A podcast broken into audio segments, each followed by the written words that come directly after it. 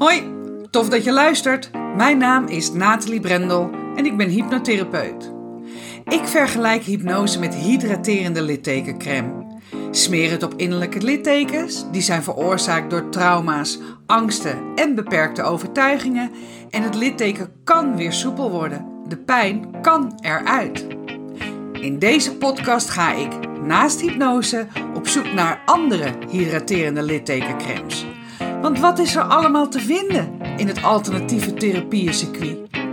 Ik ga in gesprek met de beste specialisten. Hoe zijn zij met hun smeerseltjes in aanraking gekomen? Wat was het moment dat ze dachten: dit is te gek, hier ga ik in verder? En wat doet het precies? En ik spreek ervaringsdeskundigen.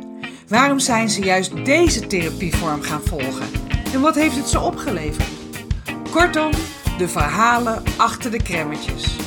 Welkom bij Smeren met Brendel.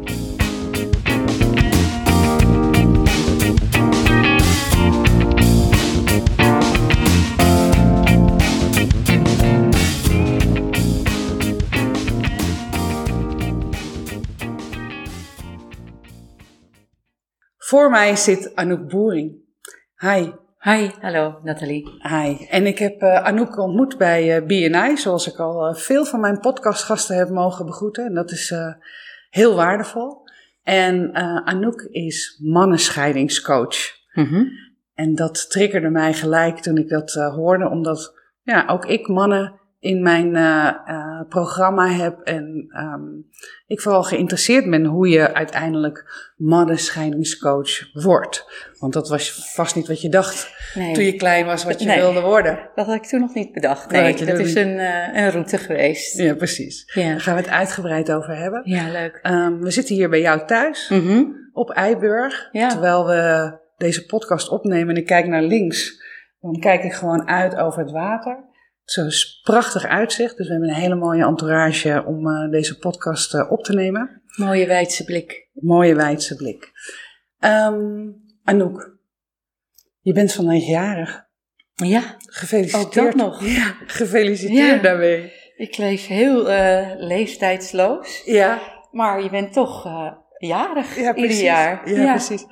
Hey, en je bent, uh, mag ik zeggen hoe oud je bent geworden? Ja hoor, zeker. Ja. Je bent net zo oud als ik, je bent 56. Ja. En uh, we zeiden net al uh, dat we elkaar even spraken dat we echt wel veel overlappingen hebben. Ja. Ook in waar we staan momenteel in het leven. Dus ik mm -hmm. vind het echt heel interessant om met jou te praten en te horen wat jouw verhaal is. Want als, je, als we even teruggaan in de tijd, want waar kom je vandaan? Waar heeft jouw wieg gestaan? Mm -hmm. En uit wat voor een nest kom je? Ja, nou mijn wieg heeft gestaan in Amsterdam. Daar ben ik uh, geboren en getogen. Uh, ik heb twee jongere broertjes. Uh, ik ben de oudste. Ja. Oudste dochter. Twee uh, broertjes, twee jaar onder mij. En één eigen tweeling. wij zijn eigenlijk een, een drieluik. Ja? Dus dat, ja, het is heel grappig als ik vertel dat ik twee broertjes heb die één eigen tweeling zijn. Dan vraagt men vaak van, oh jeetje Mina, is dat niet heel ingewikkeld geweest? Of, oh, arme jij. Ja. Wat zal dat moeilijk zijn geweest? Maar dat is bij ons uh, drieën eigenlijk nooit het geval geweest. We zijn een, een drieluik. En uh, het was altijd, tuurlijk, als je met z'n drieën bent, dan is er altijd, als er uh, ruzietjes of oneenigheid is, dan valt er altijd wel eentje uit de boot. Bij, bij ons draaide die driehoek altijd. Okay. Soms was het Lars en ik tegen Milo. Soms was het Lars en Milo tegen mij. Soms was ik en Milo tegen Lars. Dus maar die, die, uh, dynamiek draaide dus iedere ja. keer. Dus we zijn nog steeds heel hecht eigenlijk. Zo, mooi. Um, je bent dus met z'n drieën thuis. Mm -hmm. um, ze zijn twee jaar jonger dan jij, zeg ja. je dat? Ja. En je ouders? Ja, een, uh, ja, ik zeg altijd een traditioneel gezin. Mijn vader was uh, hoofd van een lagere school. Uh, en mijn moeder was huisvrouw. Dus ik kan me ook nog wel herinneren dat ik, uh, toen ik naar de lagere school ging, ging ik aan de hand van mijn vader, s ochtends liepen wij naar school. Ja. Liep ik met hem mee. En als ik thuis kwam, dan uh, was mijn moeder daar met uh, thee en koekjes. Oké, okay, dat, klinkt, dat klinkt allemaal heel idyllisch. Ja, was dat het klinkt ook, heel idyllisch. Was, ja, dat, was ja, dat het ook zo? Ja, mijn jonge jeugd ja, is heel, is ook inderdaad zo geweest. Heel, ja. heel, um, heel, heel liefdevol, heel veilig, heel uh, ja, leuk en warm. Uh, daar heb ik, als ik eraan herdenk, dan, dan komen dit soort herinneringen boven. Ja, mooi. En die zijn positief. Ook heel supportive. Uh, in de zin, we waren een, een, al snel een sportfamilie. Ik uh, heb in mijn jonge jaren heel veel paard gereden. En uiteindelijk, toen ik ietsje ouder was, toen meer richting tiener ging, toen kwam basketbal op mijn pad. Dat heb ik uiteindelijk ook best wel hoog gespeeld. Dat uh, Nederlandse jonge junioren gebracht. Mijn broertjes voetbalden. Dus het weekend stond al heel snel in het teken van, van sport. sport. Mm heb ik nog steeds trouwens. Dat ligt natuurlijk wel een, uh, een Basis. Ik ben nog steeds een sporter, crossfit, fitness. Ja, leuk. Uh, dat is nooit weg, weggegaan, maar die basis is eigenlijk toen al wel gelegd. Dus uh, ja, ik liep op het voetbalveld rond bij mijn broertjes. En, en zij in de basketbalhallen ja, bij jou? Ja. Oh, mooi. Ja. En want je groeit dan op, lagere school? Ja, ja lagere school, daarna middelbare school. Uh, mijn broertjes zijn daarna ook uh, gevolgd twee jaar later naar dezelfde middelbare school als ik. Dus dat was ook in de buurt. Daar fietsten we naartoe. Tien minuten geloof ik. Dus allemaal best een kleine wereld. Ja. En uh, ook middelbare school ook eigenlijk heel erg leuk. Maar ik was wel altijd een heel stil meisje. Een stil meisje? Ja, ja, je kijkt heel verbaasd over, ik kan me niks meer voorstellen. maar ja. ik heb een enorme groei op doorgemaakt sinds toen. Maar was je al stil, uh, was je altijd al stil? Ja, dat, dat denk ik wel. En wat is stil dan? Was dat, was, betekent dat dat je weinig zei? Of dat je graag alleen was? Of waar Ja, een beetje, en kat, het, wel uh, um, een beetje kat uit de boom kijkend eigenlijk. Ik was wel een jonge leerling. Ik ben altijd een, een, een jonge leerling geweest. Dus ik was ook eigenlijk de altijd jongste. de jongste. En dat gaat in tienerjaren natuurlijk doortikken, want dan gaat die ontwikkeling heel erg snel. Uh, maar thuis was je altijd de oudste? Thuis was ik de oudste. Um, en er zat wel een, ja, ik, uh, ik, heb ook altijd, en nog steeds draag ik uh, de dynamiek van de oudste in een gezin bij me. De verantwoordelijk voelen. verantwoordelijk voelen ook gevoelen. Mijn vader was een leraar, dus er zat best wel ook een focus op goed je best doen op school. Goede resultaten, ja, presteren, goede resultaten halen. Je hebt een goed stel hersens, gebruik ze ook. Uh, dus dat, dat zat is iets wat er gezegd in. werd tegen je, ja? Ja, je hebt een goed snel hersens. Dus ik heb ook ateneum gedaan. Dat ik ook, ja, eigenlijk goed doorlopen. Ik heb alleen de vierde klas heb ik, ben ik gedoubleerd. Jij bent blijven zitten, heet dat, hè? Oh ja, ik ben blijven, ik, ben gewoon blijven ik zitten. Blijven zitten. Je dubleren het. ik heb het dubbel gedaan. Ik zeg het mooi, ik breng het mooi, maar ik ben gewoon blijven zitten. Ja, precies. Ja, ja.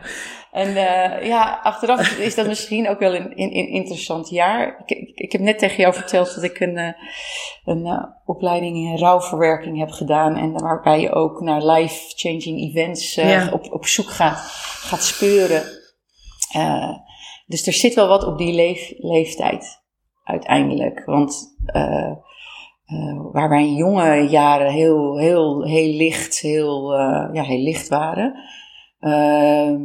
ben ik in die jaren geconfronteerd met het feit dat mijn vader aan alcohol verslaafd bleek te zijn.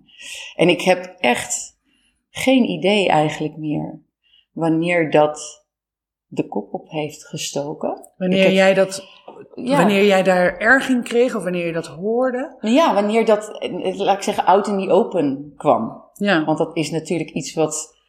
Uh, nou, ik zei net al tegen jou, ik leef heel leeftijdsloos. En dat is daar ook op terug te voeren. Ik weet dus eigenlijk niet uh, meer goed te achterhalen wanneer ik me daarvan bewust was. Behalve dat ik me natuurlijk nu wel realiseer dat er dat al jaren waarschijnlijk onder de oppervlakte heeft geleefd. En mijn moeder er waarschijnlijk een rol in heeft gespeeld om dat weg te houden voor mij en mijn broertje. Ja, op bewust niveau. Ja, maar dat je, ja. Want als je kijkt dan op, eh, want 95% van alles wat je doet, doe je, is onbewust hè. Maar 5% mm doen we met ons bewuste kritische brein. Mm Als je dan daar nu over terugdenkt en nu uh, op reflecteert, heb je dan je zegt net, het was heel licht. We sporten, er was, Ja. het was fijn. Ja. Ehm, is dat beeld veranderd? Als je daar nu dan aan terugkijkt, dat je denkt bij jezelf van... hé, maar misschien was dat toen ook al aan de gang. En, Nee, in mijn, eh, met mijn, in mijn beleving, en daar kan ik natuurlijk alleen maar op afgaan, zo van terugreflecterend van, eh, heb ik het gevoel, laat ik het zo zeggen, dat dat in die jonge jaren, van mijn, mijn jonge jaren niet gespeeld heeft, maar dat het in mijn tienerjaren wel degelijk is gaan spelen. En dat dat zwaarder is geworden. Wat voor invloed had dat op jou, denk je, als je nu Nou, terugkijkt? ja, dit, dit kan ik alleen maar nu beter op terugkijken dan dat ik me daar destijds van bewust ben geweest. Want eh, eh, ik, ik, ik weet dat in die periode de, de relatie tot mijn moeder ook heel erg onbewust al is veranderd. En dat heeft zich eigenlijk doorgetrokken en versterkt. Dat mijn vader is uiteindelijk overleden eh, toen ik 24 was Aan de alcohol? aan de alcohol. Klinkt een beetje hard, hij heeft zich doodgedronken, maar daar komt het wel uit neer, tot, op neer tot uiteindelijk een ziekenhuisopname en een vader die volledig de huid geel is uitgeslagen omdat de lever het dusdanig niet meer trekt dat het hele lichaam in een eh, shutdown gaat. En daar, hij is uiteindelijk daar in het ziekenhuis overleden. Ja.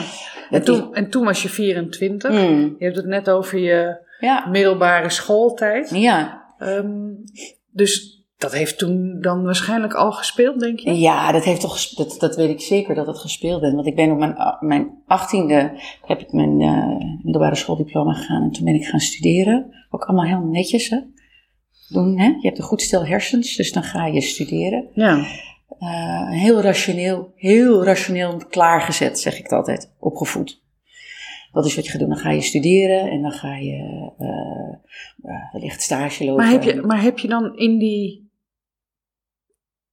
Ik bedoel, je zegt je gaat dan studeren, alles is Mhm. klaargezet, ik- alles hè, opeenvolgend zoals, Mhm. het, zoals het hoort. Ja, En vervolgens heb je een vader thuis die, ja. die superveel eh drinkt. Ja. Ehm, als ik zo hoor, als hij er aan overleden is zelfs, dan... Hoe verhield zich dat tot elkaar? Is het dan een soort poppenkast wat je speelt? Is dat dan een soort uiterlijke...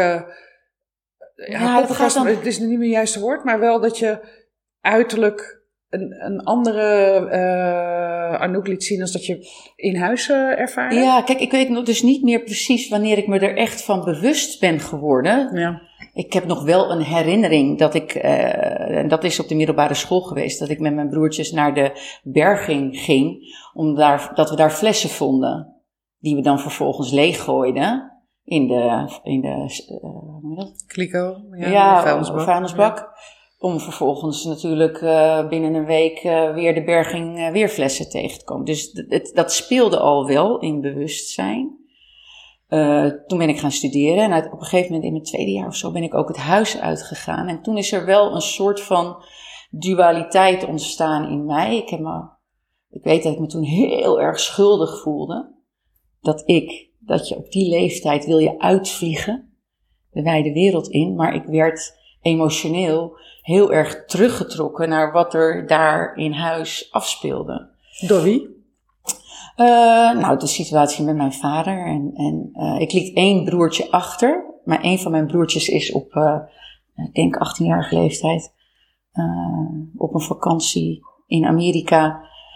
heeft hij een, is een universiteit binnengewandeld. Heeft een soccer scholarship gekregen en nooit meer teruggekomen. Dus er was al één broertje. Weg. En dus, er bleef, dus toen ik het huis uitging en één broertje achterliet voor mijn gevoel. Ja, dat, dat doet natuurlijk wel. En ik heb een hele leuke studietijd achter de rug. Ik heb hele dierbare nog steeds vrienden, vriendinnen uit die tijd. We zijn nog steeds vriendinnen.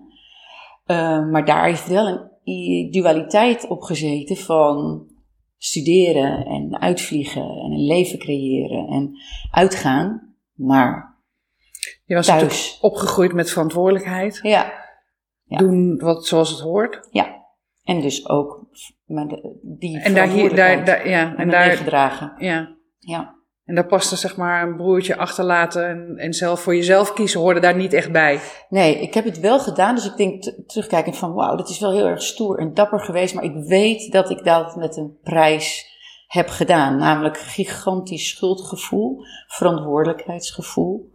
Dus ik bleef teruggaan naar dat huis om daar, ja, wat kan je doen? In ieder geval te zijn. Ja. En je moeder was er natuurlijk ook nog. Wat was haar rol dan? Ja, dat, dat, het lijkt wel of dat ook een soort van blinde vlek is. Ehm, ik, de, de relatie met mijn moeder is volledig gekanteld, bewust gekanteld, toen mijn vader kwam te overlijden. Omdat ik me toen echt heel verantwoordelijk voelde voor haar en voor wat er achterbleef. Um, en er volledig voorbij werd gegaan aan mijn eigen verlies en rouw. Ik, ik, weet gewoon dat ik in die periode meer bezig ben geweest met mijn moeder en haar verdriet en haar rouw. En mijn vader liet ook schulden achter en dan moesten we voor naar de rechtbank. En uh, nou, de hele, daar moesten afstand van doen. Het is allemaal praktische toestanden mm waar ik me heel erg mee bezig heb gehouden. En achteraf ben ik me daar nog meer van bewust geworden. Weinig moeder voor teruggekregen heb die oog had voor mijn verlies. Want ik was ook mijn vader kwijt mm vanaf toen. En wat, als je daar dan op terugkijkt, hè, wat leverde je, misschien is het een gekke vraag, want mm. ook dat um, met praktische zaken mm. bezig zijn, um, betekent ook dat je ja, daardoor misschien minder ruimte had om je eigen gevoel toe te laten. En was dat misschien ook wel iets wat je bewust of onbewust bewust deed? Ja, dat, dat, dat kan. Het, uh, uh, als je heel rationeel bent klaargezet, uiteindelijk ook, hè, wat je net vertelde, hè, naar school, dit, studeren, baan, daar zit je financiële vrijheid, zo heette dat. Uh, dus dan was het eigenlijk logisch om me meer met praktische, mijn moeder op de rit te houden. Dat weet ik nog wel dat ik toen gedacht heb. Het gaat nu toch niet gebeuren dat zij er ook aan onderdoor gaat. Uh, dus daar zat verlies van papa en ik was me aan het druk maken of mama het wel redden. Mm -hmm. um, dus dat is heel, dat is voor een kind van 24 jaar uh, best een zware last. Ik geloof nooit, ik heb het nooit zo gevoeld van, oh, dit kan ik niet dragen. Ik heb het, ik heb het gewoon, hè, tussen aanhalingstekens, gedaan. gedaan. Ja. En je was natuurlijk, natuurlijk blijf je altijd kind, maar je was 24. Ja. Dus dan ben je geacht volwassen te zijn. Ja. Maar wat ik eigenlijk probeer uh, te onderzoeken is of het je ook um, op dat moment misschien. Ja, dat het ook wel prettig was dat je, dat je die hele diepe gevoelens van verdriet en rouw op dat moment niet had. Dat je dat even kon parkeren. Is dat. Ja. Ik, of, ik, of heb je dat nooit zo ervaren? Van eerst dit en dan zie ik daarna wel hoe ik dat nou, het is een, het, het is een, een, een, rommelige periode. periode van emoties geweest. Want uh, ik ben pas later om mijn vader gaan rouwen, want ik liep ook rond met enorme boosheid. Ik ben eerst jarenlang alleen maar boos op hem geweest. Op de alcohol. Op het feit dat hij de alcohol verkoos boven mij en mijn broertjes. Ah, nu heb ik natuurlijk nu ik 56 ben, wel wat werk verricht ook op uh, een onderzoek verricht op verslaving en wat, wat de dynamieken daarvan is. Mhm. Alleen als kind voelde ik dat ik niet belangrijk genoeg was om de alcohol te laten staan. Hij is in de Jelinek kliniek geweest uiteindelijk. Dus dat nog weer wel. En is daarna, toen hij daar uitkwam, eigenlijk binnen, binnen maanden teruggevallen. En daarna overleden. Dus zelfs dat. Heb je daar, als je daar op terugkijkt, is dat een traumatische periode geweest? Nou, ik denk het wel. Ik denk het wel, maar ik denk niet zijn overlijden is natuurlijk dramatisch geweest, maar uh, daar zat ook eigenlijk een stukje opluchting op. Nou, dat durf je dan natuurlijk helemaal niet te onderkennen, maar nu weet ik dat dat dat ik dat gevoeld heb. Mhm. Want de, de, ik heb al veel eerder afscheid moeten nemen van mijn vader. Ja. Ik ben hem natuurlijk verloren aan de alcohol. Ik ben hem niet verloren op het moment dat hij kwam te overlijden. Maar eh, daar, daar, daar zijn jaren aan vooraf gegaan. Ja, nou, het lijkt me sowieso ehm, in, de- dat het een soort mindfuck is dat je Ja. opgroeit in een harmonieus Ja. gezin waarin sporten eh, hoog in het vaandel staat, waarin iemand leerkracht is. Dus het is ook iemand die geeft en, en wil delen. En, en in dat gezin groei je dan op met z'n vijven. Ja, En dat dan op enig moment, wat je je dan niet meer kan herinneren, wat het dan is, eh, dat dat, dat dan in duigen wordt gegooid, Ja. omdat het eigenlijk een, vars. een farce is gebleken. Ja, klopt. Dat is, dat is, het, dat is het ook geweest. Ik, heb wel een- gevoelens ook ervaren, zo van, eh, van, verwarring ook. Ja. Van, waar is dit? Dat weet ik nog steeds niet trouwens. Waar is dit dan, wanneer is dit dan misgegaan? Dat, dat kan ik, ik kan dat niet goed identificeren. Het was een beetje een... een, een Misgegaan bij hem. ja, je? ja, wanneer is mij dat ons leven, dat harmonieuze gezin, ergens is dat gaan schuiven. Ja. Tot het moment dat je flessen vindt in de berging, waarin het heel concreet wordt natuurlijk. Daar gaat natuurlijk van alles aan vooraf. Mhm. Ja. En ik kan niet identificeren wanneer dat nu is gaan schuiven. Nee. Ja, en het lijkt me ook inderdaad heel gek dat je in een soort, dat je, dat je verwacht dat je in een bepaald leven leeft en dat dat dan is- niet zo is. Nee, nee. nee. Als ik kijk naar mijn eigen jeugd, dat was bij ons vrij duidelijk. ik bedoel, vanaf het begin af aan, mijn vader, die, die was er niet veel. Die eh, eh, hield veel van andere vrouwen en van drank. Ja. Ja. en dat was gewoon een vette Ja. complie en daar leefden we mee. Snap je een beetje wat ik Ja. bedoel? Dat, dat, Ja. eh, en hij is ook overleden dat ik 22 was, maar ja, ik heb dat nooit anders zo gekend. Ik kan me voorstellen dat als je het eerst helemaal ja, in harmonie Zeker, en fijn is, dat het dan heel raar is ja, juist. want mijn vader heeft een hele belangrijke rol gespeeld in mijn jonge jaren. Ja, een hele, ja, en met, met, naar sporten ook en naar school brengen en alles. Het is heel, heel aanwezig en heel liefdevol aanwezig geweest. En ik weet niet wanneer ik hem kwijt ben geraakt. En hoe kijk je dan nu terug naar, eh, naar wat je net zegt over liefdevol, dat hij met je naar school, met sporten Hmm. ging? Heb je dan, zit daar dan nog een gevoel onder van, goh, was dat toen, was dat waar? Of was dat, of heb je, kan je wel daarin Ja. volledige gevoel van openheid en houden van, van ja, dat, dit, dit was wie hij was op dat moment? Ja, zeker. Ah, dat is mooi. dat, dat, is dat, fijn. zeker, dat, dat, dat, dat voelt ook oprecht. Ja, eh, dat ik daar in warmte, dat hij me dat Hmm. heeft meegegeven.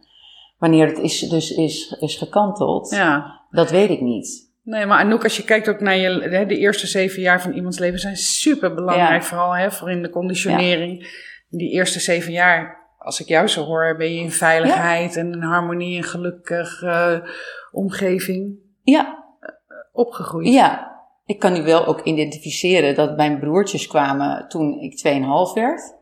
Nou, dan komt er een tweeling. Nou, dat heeft toch wel Ook wel wat impact zo. En mijn moeder heeft me wel een keer verteld dat ik in die periode, dat mijn broertjes nog hè, naar het hoorden, dat, ik, eh, dat ze heel erg ver- bijna verbaasd waren over mij. Want ik ging op de speelplaats ging ik eh, spugen. Ging ik aan, aan andere kinderen spugen. En ik denk nu dat dat om aandacht vragen Afreageren. afreageren. Een soort van wel frustratie. Want mijn broertjes kregen natuurlijk ons, ja, een tweeling. aandacht. Hallo. Ja. Weet je, met eh, alles. Dus dat, daar, kan, daar kan ik nu wel om lachen. Ja, ik precies. Denk, oh ja, ik ging Ja. niet slaan, ik ging Ja. niet schreeuwen of wat dan ook. Ik ging Ja, spugen. ja, ja. Maar volgens mij, volgens mij eh, mijn eh, oudste die deed ook dat soort dingen. Ja. Die sloeg gewoon eh, de middelste op zijn kop terwijl Oh, ik aan borstvoeding geven was. Weet je Oh, wel, ja. dan hard wegrennen. Oh ja, maar Ook dat deed ik jaar. dus niet. Niet zo heel heftig, maar ik ging spugen. Ik vind het zo schattig. Ja, uw dochter spuugt op het, schip- op het speelplein. Ach ja, Oh, nou, als dat alles is. Ja, toch? Oh. Ja, Oké, hey, want ehm, nou goed, je bent het huis uit ja, gegaan, je bent gaan studeren. Je vader is overleden op je 24ste. ja, Dat heeft impact. Ja. Dat kan niet anders. ja. Eh, dat herken ik. En in boosheid daarover, Ja, eigenlijk. Dat is wat ik best wel lang geweest ben. ja boos. Ja. Ik denk Hoe dat dat de enige emo- emotie was die ik kon handelen. Dat is natuurlijk interessant van boosheid. Hè? Boosheid kan naar buiten. Hè? Ja, Verdriet, eh, ja, dat zit en eh, dat moet je van binnen uitzoeken. Dus ik ben heel lang daar boos over geweest. hoe lang is heel lang? Ja, daar zijn we weer. Oh, dat, we ik heb, dat weet ik eigenlijk Gevoelsmatig ook heeft niet. het jaren geduurd. Ja, nou, dat is, ja, dat heeft jaren geduurd. En wel, hoe uitte zich dat dan boos? Als je het over hem had, dan was je met boosheid gevuld? Of, Ja, niet- of had je het nooit over hem? Werd niet over over hem gesproken? Nee, niet over hem Ook gesproken. niet met je broers? Eh, nee. Nee. Nee. Dus hij was er gewoon niet meer. Nee. Nee. Dus dat heeft, dat heeft best wel lang geduurd voordat hij weer boven kwam. En onderdeel was gewoon van je leven ook Ja. daarin? Ja. Ja. En dat is eigenlijk veel later gekomen. Na de scheiding, na het werk dat ik, na mijn eigen, ja, heftige scheiding. Ik weet niet of het heftig was, alles Ja. is betrekkelijk voor iedereen. Maar, eh, en daarna mijn zelfwerk ging doen eh, op wat daar gebeurd was. Toen kwam hij ook ineens weer boven. Nou, nou, we komen daarop. Want Ja. ehm, je bent gaan studeren, je Ja. bent afgestudeerd. Ja. Ben stage gaan lopen, meteen vanuit mijn stage opgepikt en een baan aangeboden gekregen. Wat ging je doen? Ik ben stage gaan lopen bij VNU Tijdschriften. Dat was echt super cool. Dat was in de hoogtijdagen van tijdschriften. VNU had op dat moment, geloof ik, 56 tijdschriften. Ze noemden dat van wieg tot graf. graf. Van eh, Disneyland, Donald Duck, Tina, Popfoto, FIFA, Lekker. Margriet Libelle. Tot aan Autoweek, Playboy en eh, hoe heette het? Plus, geloof ik. Mijn vader werkt ook bij VNU. Oh ja? Ja. Ja, Ja. ja, dat was echt de hoogte. Dus dat was echt. Ik heb communicatiewetenschappen gestudeerd, dus daarin terechtkomen. Dat was echt super cool. Ehm, maar het is echt helemaal netjes gedaan, zoals wat er van mij eh, Verwacht werd. verwacht werd. Hè? Ja. ja. Dus je gaat werken. Ja. Had je tegen die tijd een relatie, een vaste relatie? Ja, ik ben daar. Ik, ik heb wel wat relaties gehad. ehm, maar ik ben in die periode wel ook de vader van mijn zoons tegengekomen. Toen was ik denk ik ja, of 28. Eh, via werk ook. Ehm, ik werkte toen bij Admedia, advertentieverkoop. En dan kom je bij allemaal bedrijven en reclamebureaus. Bij een van die bedrijven werkte hij ook. Dus dan kom je tegen elkaar, tegenover elkaar te zitten eh, aan de tafels. En dat was wel echt van oeh. Oké. Ja. En ja, ja, ja. Verliefd geworden en eh, ehm, tot elkaar gekomen. En dat werd een relatie, dat werd serieus.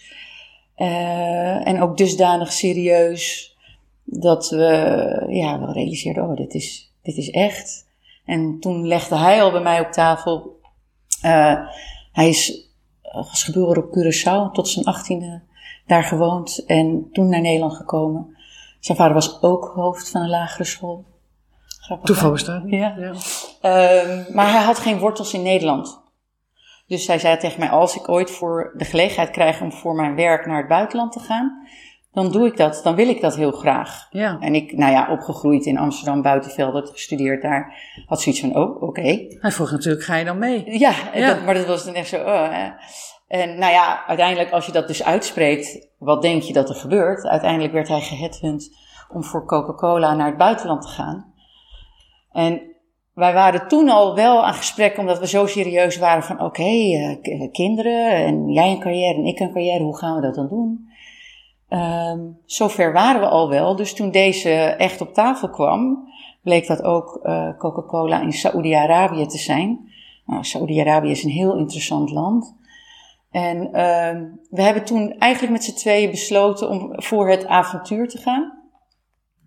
Zo van, oké, eh, ja, het ergste wat er kan gebeuren. We zijn met z'n tweeën, dus als we er over, weet ik veel, een aantal maanden, acht, negen, jaar achter komen. hmm, dit was niet zo'n handige beslissing. Dan Kan je gaan altijd we weer terug met z'n tweeën en dan pakken we de draad op. Ehm, en ik dacht ook, ja, wie weet, misschien is dit dan ook wel het moment, hè? we hebben het gehad over kinderen. Misschien eh, wordt dit ons ook wel in de schoot geworpen. Eh, dus ik heb besloten, wat dat zo mooi heet, om mijn carrière op te geven en voor het avontuur te gaan. Dat was wel anders dan wat je was opgevoed natuurlijk. Heel, Dat je heel. gewoon... eh, Ja, heel. Ik weet niet wel, ik, ik- ik- achteraf denk ik, was dat misschien dan toch een heel klein rebelletje of Ik zo wou net in zeggen, mij, ja, dat je wij zouden, iets fuck die echt zoiets van, ja, dit ga ik gewoon doen. ja. Het was ook wel zo'n, eh, ja, kans. eh, En nu, achteraf, want wij zijn uiteindelijk gescheiden, na 15, 17 jaar, uh, vragen mensen van, uh, jeetje Mina, hè, als je dat had geweten, heb je er nooit spijt van gehad dat je je carrière hebt opgegeven? Nee, nooit niet, want het heeft ons een fantastisch mooi leven opgeleverd. Um, en dus daar heb ik nooit spijt van gehad. Nee. Maar even terug, hè, want je gaat dus. Je besluit om te gaan. Ja. Dus laat je moeder ook hier. Ja. En twee mhm. broers. Mm Misschien heeft dat er ook wel ergens achter gezeten. Ik, ja? ik heb nooit zo die beslissing genomen van nou gooi ik de spullen erbij neer en ik vertrek. Dit was echt de kans, maar misschien, hè, uh, mijn broertje die naar Amerika ging, toen hij 18 was, ja. die altijd met schuldgevoel heeft rondgelopen dat hij mij en zijn andere broertje heeft achtergelaten. Wat we, godzijdank, uit zijn hoofd hebben kunnen praten, jaren later. Die heeft dat ook gedaan. Dus, dus ik heb dat niet zo bewust gedaan van. Maar het was natuurlijk wel een big escape. Ja. Je kon er gewoon uit. Ik was weg. Ja. Echt een leven, ander leven opbouwen en alles achter me laten. Ja. Dus jullie gingen naar Saoedi-Arabië? Ja. ja. En na een jaar keken jullie elkaar aan en dachten van, uh, we blijven hier? Ja, want... Uh, geen reden om terug te gaan? Nee, geen reden om terug te gaan. Uiteindelijk uh, ben ik in dat eerste jaar zwanger geworden. uiteindelijk eerst ook een miskraam gekregen, dus dat was heel verdrietig. Ja, want dan ben je ook alleen. Dan ben je ook alleen. In Saudi-Arabië? Ja, we zijn wel teruggevlogen naar Nederland. Oké. Uh, dus dat, dat, dat hebben we uh, in Nederland ook uit laten zoeken. En, uh, maar geen vriendinnen en, en. Nee. Weet je dat? Nou ja, wat zijn vriendinnen? Dat is natuurlijk interessant. In, in, in, in expat bestaan bouw je hele oh, krachtige vriendschappen op. Zeker in een land als Saoedi-Arabië, waar je in een situatie wordt gegooid waar je heel erg op elkaar terugvalt. ja, dat snap ik. Dus ik heb nu nog, uh, ik noem haar Sally, ik noem haar eventjes nu haar naam Sally, uh, is nog steeds een hele goede vriendin van mij en die heb ik in Saudi leren kennen. Omdat dat zo hecht is. Ja. Dan laat je elkaar niet meer los. Mooi. Een expert bestaan is ook van door, dus je doet heel veel vriendschappen op. En laat die ook weer los. Dus je leert overnieuw beginnen en loslaten. Maar mijn ervaring is in ieder land waar ik gewoond heb, is minimaal één vriendschap ontstaan die nooit meer is weggegaan. Nou, mooi. Dus zet daar wel in een, in een vangnet. Maar uiteindelijk is Luca daar, mijn oudste zoon, is geboren. Uh, in die periode van Saoedi-Arabië. Dus het is het begin geworden. We zijn nooit terug. Nee, zijn nooit, teruggegaan naar uh, Nederland. Nee. nee. nee. Je eerste zoon wordt daar geboren. Ja? Zijn jullie in Saoedi-Arabië gebleven of zijn jullie naar... Nee, na drie jaar, want dat is een beetje een expat bestaan. Ook bij Coca-Cola, dat, ja, als je het niet weet, dan weet je het niet. Maar een expat bestaan is, dan ga je ergens drie, vier jaar naartoe en dan uh, groei je door. En omdat je naar een hogere, hogere positie doorgroeit, dan ga je meestal, word je overgeplaatst in een positie in een ander land. Dus dat gebeurt bij ons, ook bij ons. We hebben eerst een, een tussenjaar nog in, een jaar in Bahrein gezeten. Dat ligt vlak naast Saoedi-Arabië. Maar daarna naar Kopenhagen. Heel, Heel anders. Nederland, Saudi was natuurlijk al twee uitersten. Daarna naar Kopenhagen. Uh, was ook heel erg cool. En daar is River, mijn uh, jongste zoon, geboren. Heel ander bestaan, want dan uh, is niet echt een expat-land. Dus dan kom je meer... In, bij de bevolking? Bij de... Ja, en dat is niet makkelijk. Net zo moeilijk als Nederland is voor expats om te integreren. Want wij zijn ook niet makkelijk om te integreren. Dat heeft Denemarken ook. Maar in Saoedi-Arabië hadden wij twee Deense uh, gezinnen leren kennen. Die voor ons terug verhuisden naar Denemarken. Dus wij werden eigenlijk opgenomen in hun vriendenkring oh, en familie. Dus we hadden daar ook wel weer bodem. Oké. En uh, ja, daar is Rif geboren. Dus hoe zeg je, was je eh, helemaal schets je levens dan. Ben je helemaal gelukkig? Is dit wat je wil als huisvrouw? Je hebt twee zonen, Ja. je man werkt. Ja, Was het helemaal... Ja, ik, die eerste jaar, ik, nu ook weer terugkijk, ben ik heel dankbaar voor het leven wat ik heb mogen leiden. Namelijk dat ik wel, zeker in die jonge jaren, alle aandacht heb mogen geven aan mijn zoons. Mhm. En daar had ik ook, ja, ik had daar mijn handen vol aan. Eh, ik wilde dat ook goed doen, hè. Ja, natuurlijk. Verantwoordelijkheidsgevoel. Ja, verantwoordelijkheidsgevoel. en, eh, dus ik ging dat ook goed doen. Dus ik heb dat ook eh, ehm, ja, vol kunnen doen. En achteraf ook terugkijkend ook echt wel van kunnen genieten. Eh, wij werden toen, we hebben niet lang in, in, de, in Denemarken gezeten, maar twee jaar. Toen zijn we naar Londen overgeplaatst. Mijn, eh, mijn man die vond toen, eh, wisselde van bedrijven. Werd weg, eh, weggehaald door een ander bedrijf eh, in, in Londen. En daar ging River, mijn jongste, naar kindergarten. Dus toen vielen, die, de oudste, Luca, ging naar school. En de jongste ging naar kindergarten. Dus toen viel er wat tijd vrij. Oké. En toen ben ik wel meteen ook weer gaan, gaan werken. Toen had ik ook wel weer die behoefte van, ja, ik wil nu wel weer iets voor, voor, Voor mij, mezelf. wat mij voedt.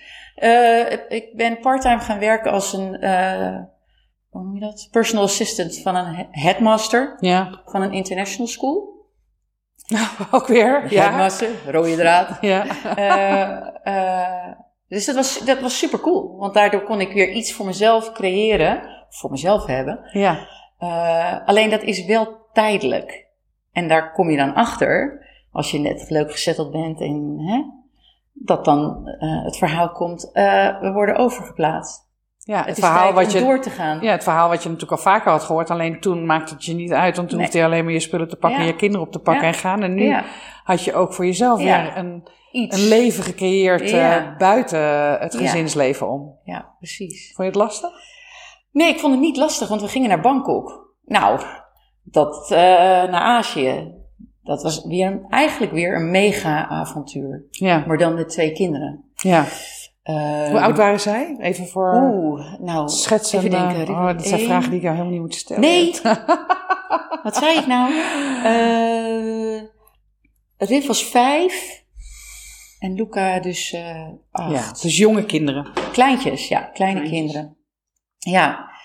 En ehm, daar kwam dus de realisatie. Dus als, als ik, ik, ik, ik had toen wel de ervaring dat ik eh, ja, goed was in alles oppakken en overnieuw beginnen. Ja.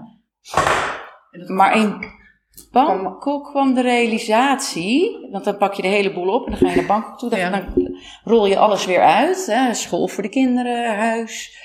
eh, en daar wilde ik eigenlijk ook weer gaan werken. Dat ben ik ook gaan doen. Ook weer part-time. Bij Crown Relocation. Dat is een hele grote wereldwijde mover die alles, dat noemen ze in-house hebben. Dus die hebben ook een, een in-house department waar ik ging werken. En die begeleiden mensen die naar expats die naar Bangkok verhuizen. En die komen dan van tevoren voor school search, home search, weet je, culturele Ja, ja. educatie. En ik, daar ben ik gaan werken om die mensen te begeleiden. Mega leuk. Ja, ik wou net zeggen. Superleuk. Superleuk. Ook weer, hè, mensen, mensen helpen. En daar kwam die realisatie van, oké, wacht even. Maar de, wij gaan over een paar jaar, hè, het patroon is, we gaan over drie, vier jaar weer. Eh, weg. ik ben heel goed in alles eh, oppakken en verhuizen. De carrière van mijn ex ging natuurlijk een eh, soort van een rechte lijn naar boven. Hij was daar inmiddels managing director van heel Azië. En ik was een soort van, om in ondernemerstermen te blijven, een continuous start-up. Ja, we pakken de boel en we gaan weer overnieuw. We gaan, en door, we gaan weer overnieuw beginnen. Ja. Zo. Kwam dat besef op dat moment, Ja. daar in Singapore, dat je bij jezelf dacht van Jezus, of ja. in Bangkok, ja. Ja. van ik moet elke keer opnieuw eh, beginnen Ja. en, ja. en hij gaat zijn carrière Ja. placendo eh, door. Ja, en dat was cool. Daar hebben we ook voor gekozen. Dat was ook helemaal niet erg. Alleen dit, het werd, dat werd wel uitvergroot. Als je dan, dan leuk werk hebt in Engeland en je hebt heel leuk werk in, in eh, Bangkok. En dat is eh, natuurlijk met mensen werken, maar de een was hè, personal assistant op een school, dit was in relocation agent. Dat je denkt, eh, ja, dan ga je wel nadenken en dan? En daar kwam de realisatie. Ik dacht van ja, eigenlijk zou ik iets willen wat ik mee kan nemen. Mijn ex heeft een carrière en dat gaat gewoon door op het moment dat hij van land verhuist. ik zou wel iets willen wat ik voort kan zetten. Of in ieder geval mee kan nemen en door kan zetten. En wat vond je? Wat was, wat was het voor jou? Wat kon jij doorzetten? Wat kon je meenemen? Wat was Ja, nou, de gemene deler straks door al jouw eh, verhuizingen Ja, heen? Mensen, in ieder geval mensen. Kijk, ik heb communicatiewetenschap gestudeerd. Ik ging uiteindelijk sparren met een goede vriend van mijn, van mijn ex. En die was eh, Human Resource Director eh, bij Kimberly Clark voor Azië. En die werkte met coaches, personal coaches, op executive niveau. Want dat niveau heeft allemaal... Het is lonely at the top, dus die, hebben, die werken met persoonlijke coaches. Met hem ging ik eigenlijk sparren. En ik kwam eigenlijk met psychologie. Ik wil eigenlijk iets met psychologie, psychologie studeren. Maar als je, als je, weet, als je leeft in Bangkok en je weet dat je weer doorgaat, dan ga je niet daar een studie op pakken. Ehm, dus dat zou dan ja, long distance learning worden. Nou, ik zei net al, ik ben een mensenmens. Dus ik zag mezelf echt niet achter een laptopje long distance psychologie gaan studeren. En hij, met de gesprekken die ik met hem voerde, scheen eigenlijk het licht op. Ik, je hebt het nog niet door, maar er staat coach op jouw voorhoofd mensen. En toen ben ik me gaan verdiepen wat, wat, wat coaching was. Wat vond je ervan dat hij dat zei? Herken... Ja, een soort wel. Nou, ik zeg, ik zeg nu wel van dat was wel een moment waarop de puzzelstukjes in elkaar vielen. Soms echt? iemand Ja. daar, Ja. ja, in een gesprek, daar kom je dus in je eentje niet achter. Daarom is coaching ook zo interessant. maar daar kom je in je eentje niet, want je blijft in je eigen hoofd zitten. En als iemand anders Mhm. dan vragen gaat stellen, Ja. waardoor je antwoord gaat geven en hij dan iets ziet wat ik zelf nog niet zag. Nee. Achteraf heeft hij mega gelijk gehad natuurlijk. Kijken. alleen. Ja, Ja. ging, eh, ik, ik ging kijken wat, wat, wat professioneel coaching dan was en wat het verschil was met psychologie. En ik kwam tot de ontdekking dat er zoveel overlap is. Alleen psychologie gaat meer, er zijn ook wel verschillende vormen natuurlijk, maar hè, gaat kijken in je verleden en bedenken hoe komt het dat je zo denkt, waarom ben je zo geworden, waarom denk je zo. Coaching is heel erg forward thinking. Oké, die rugzak hè, waar je verleden in zit, die ligt op tafel. Ja, het werkt niet meer voor je. Leg hem op tafel. En we gaan er niet in zitten graven van hoe het nu komt. Maar hoe kan je forward thinking dingen Met anders gaan tafel. doen? Met die zak op tafel zorgen dat je die, die rugzak die je toch bij je hebt, die iedereen draagt, anders de toekomst in kan gaan. Nou, ik vond dat mega cool. Ik dacht, ja, en nu, ja, ja nu dit als, eh, nu, nu mag ik mijn geld verdienen met coaching, wat ik zo mooi vind om te doen. Ja, dat is een cadeautje geweest. ja. Dus je bent die opleiding gaan volgen Ja, uiteindelijk? ja, want hij zei wel, Want- hey, Anouk, als je daar echt een serieuze nieuwe carrière van wil maken die je door wil zetten. Ik zie het op je voorhoofd staan, maar je moet wel ja, gaan dan, leren dan. Ja, dan moet je er wel voor zorgen. Dan gaan we samen kijken naar welke opleiding je kiest. Want coaching is een vrij beroep. Iedereen Ja, mag zichzelf Iedereen mag zich coach. coach noemen. Daar zijn En dat is nog steeds zo, trouwens. Ja, Maar het zal steeds belangrijker worden dat je opleiding gedegen is, dat je credentials goed zijn. absoluut. Want daar zal steeds meer naar gekeken worden. En dat, ook dat is inderdaad zo. Dus toen hebben we samen Coach U uitgekozen. Dat is een van de grootste trainingsinstituten voor professioneel coaches in Amerika. En die hadden een, eh, ja, een satelliet in eh, Sydney, Australië. Nou, Bangkok, Sydney, dat zit in dezelfde timezone. Dus eh, ja, daar ben ik heen gevlogen. En daar ben ik mijn eh, coach Opleiding gaan ja, volgen. eh, in ieder geval mijn basisopleiding. Dus Mhm. intern daar met twee mastercoaches echt door de molen. En dat werd voortgezet met wat toen Skype was, nu is het Zoom. Langdurig in training. Eh, ik heb uiteindelijk bij hun ook mijn advanced program gedaan en zit bij hun nog steeds in een lifelong eh, programma. Mag ik vragen, Anouk? Want je zegt net van, nou ja, hè, coaching is je legt je zak, je rugzak eh, op tafel neer. En, eh, Ja. Maar ik kan me zo voorstellen dat gedurende die opleiding, Hm, dat je je eigen rugzakje ook even Ja. afdeed en dat die even op tafel lag. absoluut. En, en daar lag je vader waarschijnlijk ook eh, tussen. Nee, nog niet. Nee? lag daar nog niet tussen? Nee, nee, uiteindelijk. Wat, eh, lag er wel, wat lag er wel? eh, ja, heel veel eh, zelfontwikkeling. Want je gaat inderdaad zelf. Je gaat ontzettend veel coachen en je wordt heel veel gecoacht. Dus ja, je gaat zelf ongelooflijk door de molen. Alleen, Ik moest bij terugkeer, uh, toen kwam het volgende live event, wat echt heel veel impact heeft gehad en mijn wereld echt heeft gekanteld. Namelijk toen ik, ik moest om af te studeren, moest ik 80 uren prodeo draaien. En daar moet je dan verslag van doen en opnames van inleveren. Noem het maar op. Toen ik in dat proces zat in Bangkok, uh, kwam ik erachter dat mijn huwelijk, wat ik dacht dat was, uh, ja, dat, dat, dat daar iets aan de hand was waar ik me tot dat moment niet van bewust was. Namelijk, ja, mijn, mijn huwelijk is geëindigd door overspel. Mooier kan ik het niet maken. Ik kwam erachter dat mijn, uh, mijn man een relatie had met een Thaise, ja, half mijn leeftijd op kantoor. Nou, nu kan ik er heel erg om lachen. Gisteren hebben we nog met z'n allen gegeten. Ja, dus, gisteren dus, uh, dus... hebben we met z'n zessen ons, onze zoons uh, onze verjaardag gevierd. Maar maar er is natuurlijk wel heel veel. Heel veel. Want wat, wat mij nu ineens opvalt, is dat je eigenlijk dezelfde woorden gebruikt. Dat je weer verrast bent. Ja. Dat er weer, dat je in een gezin leeft waarvan je denkt dat er harmonie is, dat het goed is, dat het klopt. Ja. En dat je tot ontdekking komt dat dat niet zo is. Ja, dat, maar ook natuurlijk dit is even voor de duidelijkheid 13 jaar geleden. Dus wat nu tegenover je zit, daar zit 13 jaar zelfwerk in. Ja.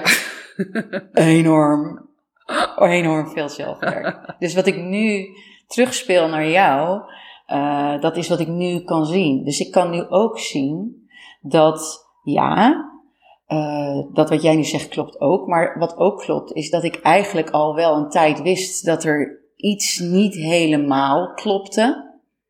Want die, dat komt natuurlijk niet uit de lucht vallen. Nu weet ik ook dat bedrog, dat een huwelijk eindigt, dan is het bedrog is het symptoom. is niet de reden. Nee, er is al van alles aan vanaf. Daar is, het is een symptoom dat er al een hele tijd iets niet klopt.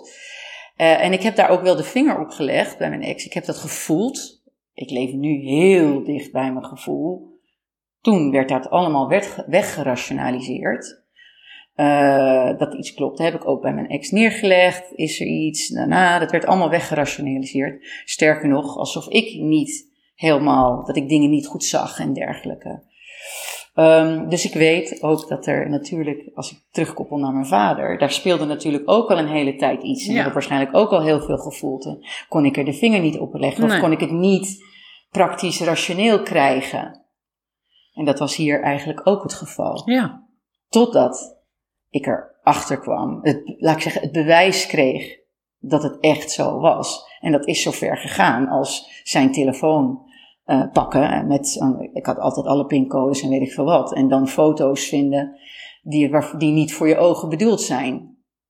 Heftig zeg. Dat is heel heftig geweest. Dat moment, dat, als je het hebt over live events, ik weet nog precies waar het was, wanneer het was. Ik weet waar we waren, in Phuket. Ik weet hoe het rook. Ik weet als ze zeggen dat het uh, tapijt onder je vandaan getrokken wordt, ja, ik weet hoe het voelt.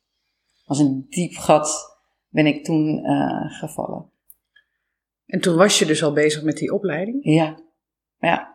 Was dat, hè, want in die opleiding lag je rugzakje ja. daar. Ja. Heeft dat geholpen? ja, heel erg. De universe is mega grappig. Die liet mij eerst mijn. Mega grappig. Mega grappig. Die liet mij eerst starten met mijn coachopleiding. Dus en voordat ik dit, uh, dit uh, mocht ervaren. Uh, want coaching heeft dus een hele grote rol gespeeld in de, wie je nu voor je ziet. Ik stond al aan op wat coaching was en betekende. En het heeft nog even, ik heb nog even een padje gelopen met mijn ex om te kijken of. Hè, we zijn in relatietherapie gegaan dat sloeg eigenlijk helemaal nergens op, achteraf gezien. Maar gekeken of het nog hè, te redden, te redden was. was. Ja. Dat was wel, dat zit je in Bangkok hè, met twee jongens. Die waren toen uh, inmiddels dus uh, elf en acht. Met een Nederlands paspoort. Maar nog nooit in Nederland gewoond, noem het maar op. En waar ga je dan beginnen? Ja, waar ben je begonnen? Ja, waar ben ik begonnen? Uh, met de coaching mijn coach aangetikt, een van de coaches aangetikt en gezegd: luister, dit is, ik weet, dit is zo groot, ik weet niet waar ik moet beginnen. Ja. Um, Eén ding weet ik zeker. Alles wat ik nu ga beslissen wordt bepalend voor hoe de rest van mijn leven eruit komt te zien. En dat is heel belangrijk geweest, want zij heeft me er doorheen gecoacht en ik heb beslissingen genomen die echt de fundering hebben gelegd voor mijn terugkeer naar Nederland. En, uh, ja, want je bent teruggegaan? Ja, in 2011 teruggekeerd met mijn jongens naar Nederland. Mijn ex is gevolgd. Ik noem dat omdat ik aan het stuur ging staan, coachend, ging ik aan het stuur staan van hè, de rest van mijn leven is hij gevolgd. Ben ik mega, niet voor mij natuurlijk, laat daar geen verstand over staan, maar wel voor zijn zoons. Ja. Uh, daar ben ik heel dankbaar voor, want daardoor hebben mijn jongens co-ouderschap mogen ervaren. En uh, uiteindelijk ben ik een nieuw leven in de stijgers gaan zetten. En daar zit zoveel zelf, dat is hand in hand gegaan met zoveel zelfwerk. En onder andere ook met het werk naar uh, een hele rationele, uitdagende ex die heel impactvol is geweest. Ook heel veel zelfwerk van hoe ben ik dan bij hem terechtgekomen? Ja. En dan moet je weer helemaal terug naar ook mijn vader en ook mijn moeder. En toen ben ik een padje gaan lopen op mijn moeder en het feit dat uh, ja, mijn moeder er nooit is geweest, eigenlijk, voor, laat ik zeggen, mijn moeder er nooit voor mij heeft kunnen zijn. Niet toen mijn vader overleed. Uh, die heeft zoveel aandacht nodig voor zichzelf. Die komt er niet aan toe. Zeg ik altijd, probeer ik het maar liefdevol te zeggen, om aandacht te hebben voor, voor haar omgeving en voor anderen. Uh, dus ook niet voor mij als dochter toen haar vader overleed. En toen ben ik ook wel een padje gaan lopen op, oké, mijn vader van hoe, hoe is dat dan gegaan met mijn vader? Ja.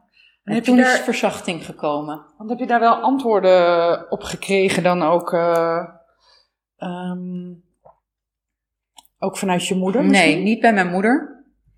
Want die uh, ja, legt alles buiten zichzelf. Ja. En uh, heeft daar geen aandacht voor. maar ik ben wel een verzachtend pad gaan lopen op mijn vader. Van uh, hoe heeft dat dan kunnen gebeuren dat je zo'n liefdevolle, betrokken vader bent? Ja. Uh, en ik denk uiteindelijk, hè, dat is mijn reflectie, is mijn vader op zijn tenen gaan lopen met een vrouw, mijn moeder, die uh, geen aandacht heeft, ook voor hem. En uh, iets in zich heeft. Het is niet goed, alles, hè, het is niet goed genoeg. Je bewijzen, je moet je best doen, je moet overal je best voor doen. Ik ben ook klaargezet. Want als je je goed doet op school, dan krijg je liefde. Dus daar zit een soort van. Wederkerigheid in. Ja. En ik denk dat mijn vader daar ook op stuk is gelopen, uiteindelijk. Uh, en ik uh, loop daar ook stuk op met mijn moeder. En ja, heb er wel vrede mee dat, dat het is zoals het is. Ja, want dat is natuurlijk ook, hè, je hebt natuurlijk wat dat betreft natuurlijk zelf wel de keuze. Je vader heeft natuurlijk wel de keuze gemaakt zelf om uiteindelijk uh, dit pad te verkiezen. Ja. Ja. Heb je, ehm, want je bent teruggekomen, je was coach. Ja, ja. Ja, dat is, ik ben gaan coachen op ondernemers. Want als je helemaal van scratch af aan overnieuw begint en je gaat opnieuw netwerken, ja. start je in ondernemersnetwerken en dan ga je ondernemersnetwerken uh, coachen. coachen. Ja. Um, en uiteindelijk werden er steeds meer mensen naar mij toegestuurd van, hey, hallo, zij heeft een professioneel coachbedrijf en ze heeft een complexe scheiding achter de rug. Misschien ja, moet je eens met haar gaan praten. Want ik wou net zeggen, want hoe is die combinatie uiteindelijk dan ontstaan? Want ik, ja, ik vind het echt super dat er A, een vrouw is die zich echt richt op ja. uh, uh, mannen coachen. Ja.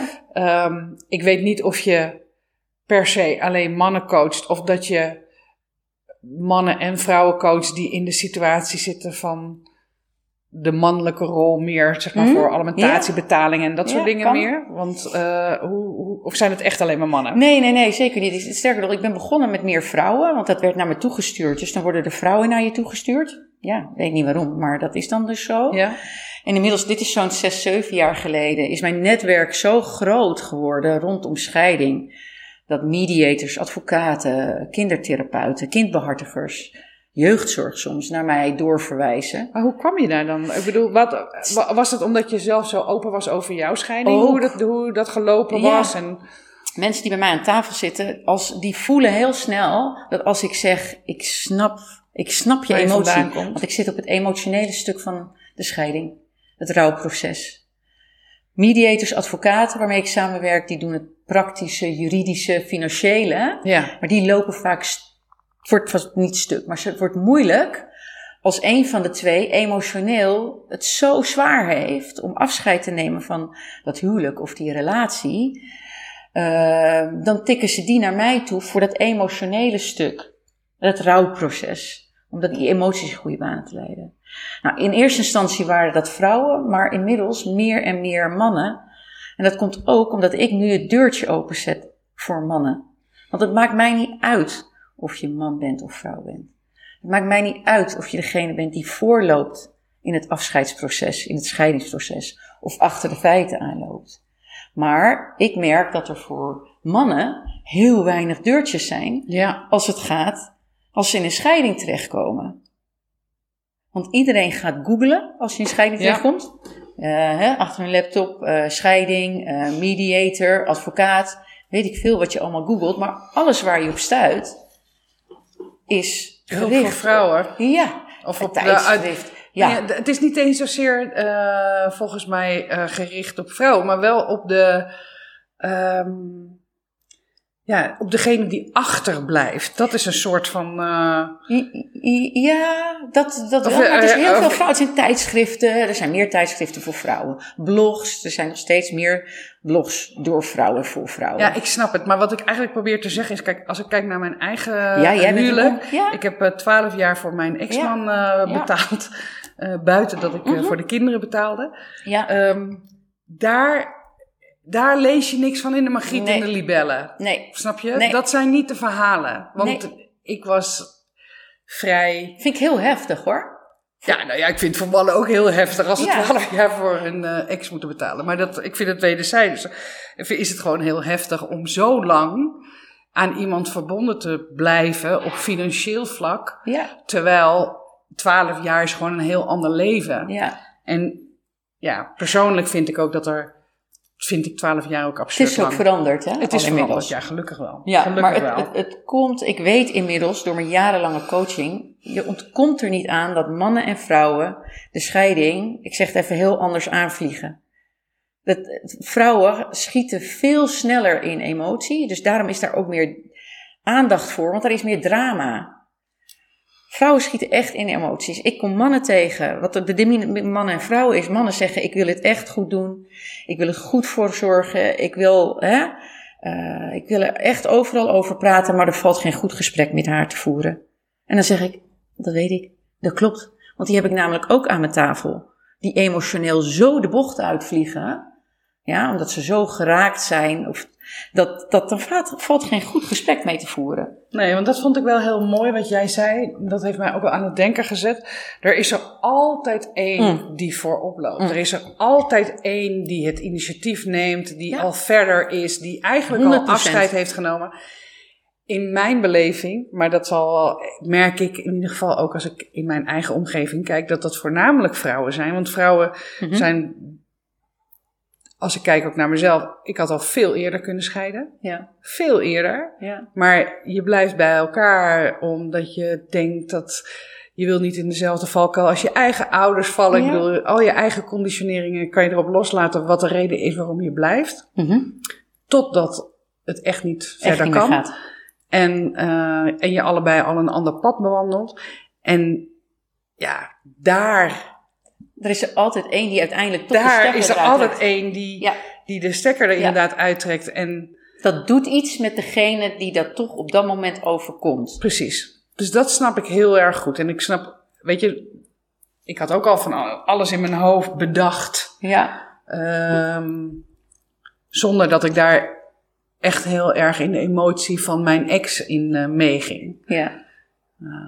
Ja, Ja, nou, en dat, dat zie ik gewoon heel erg vaak ook in scheidingscoaching. Want ja, ik heb het nou ja, dagelijks dus aan mijn tafel zitten in alle vormen. En er zijn, het is allemaal anders, maar er is ook heel veel hetzelfde.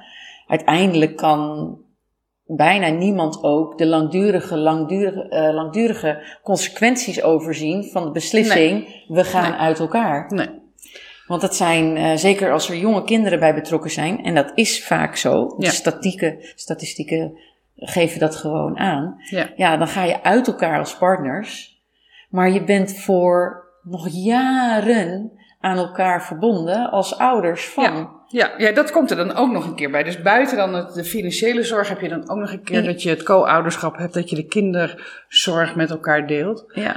Ehm, ja, en daar kan ook nog van alles eh, eh, oppoppen, want je bent uiteindelijk niet voor niets gescheiden. Dus je eh Het er verschilt ook van gedachten over een aantal eh, zaken. Ja, Ja. dat klopt. Ja. Ja, ik herken het. ehm, ik herken het. Ja. En ehm, ik weet ook nu, ik bedoel, ik, ik, mijn twaalf jaar is ondertussen ook al weer een paar jaar achter de rug. Met terugwerkende kracht kan ik zeggen, het heeft heel zwaar op mij gedrukt.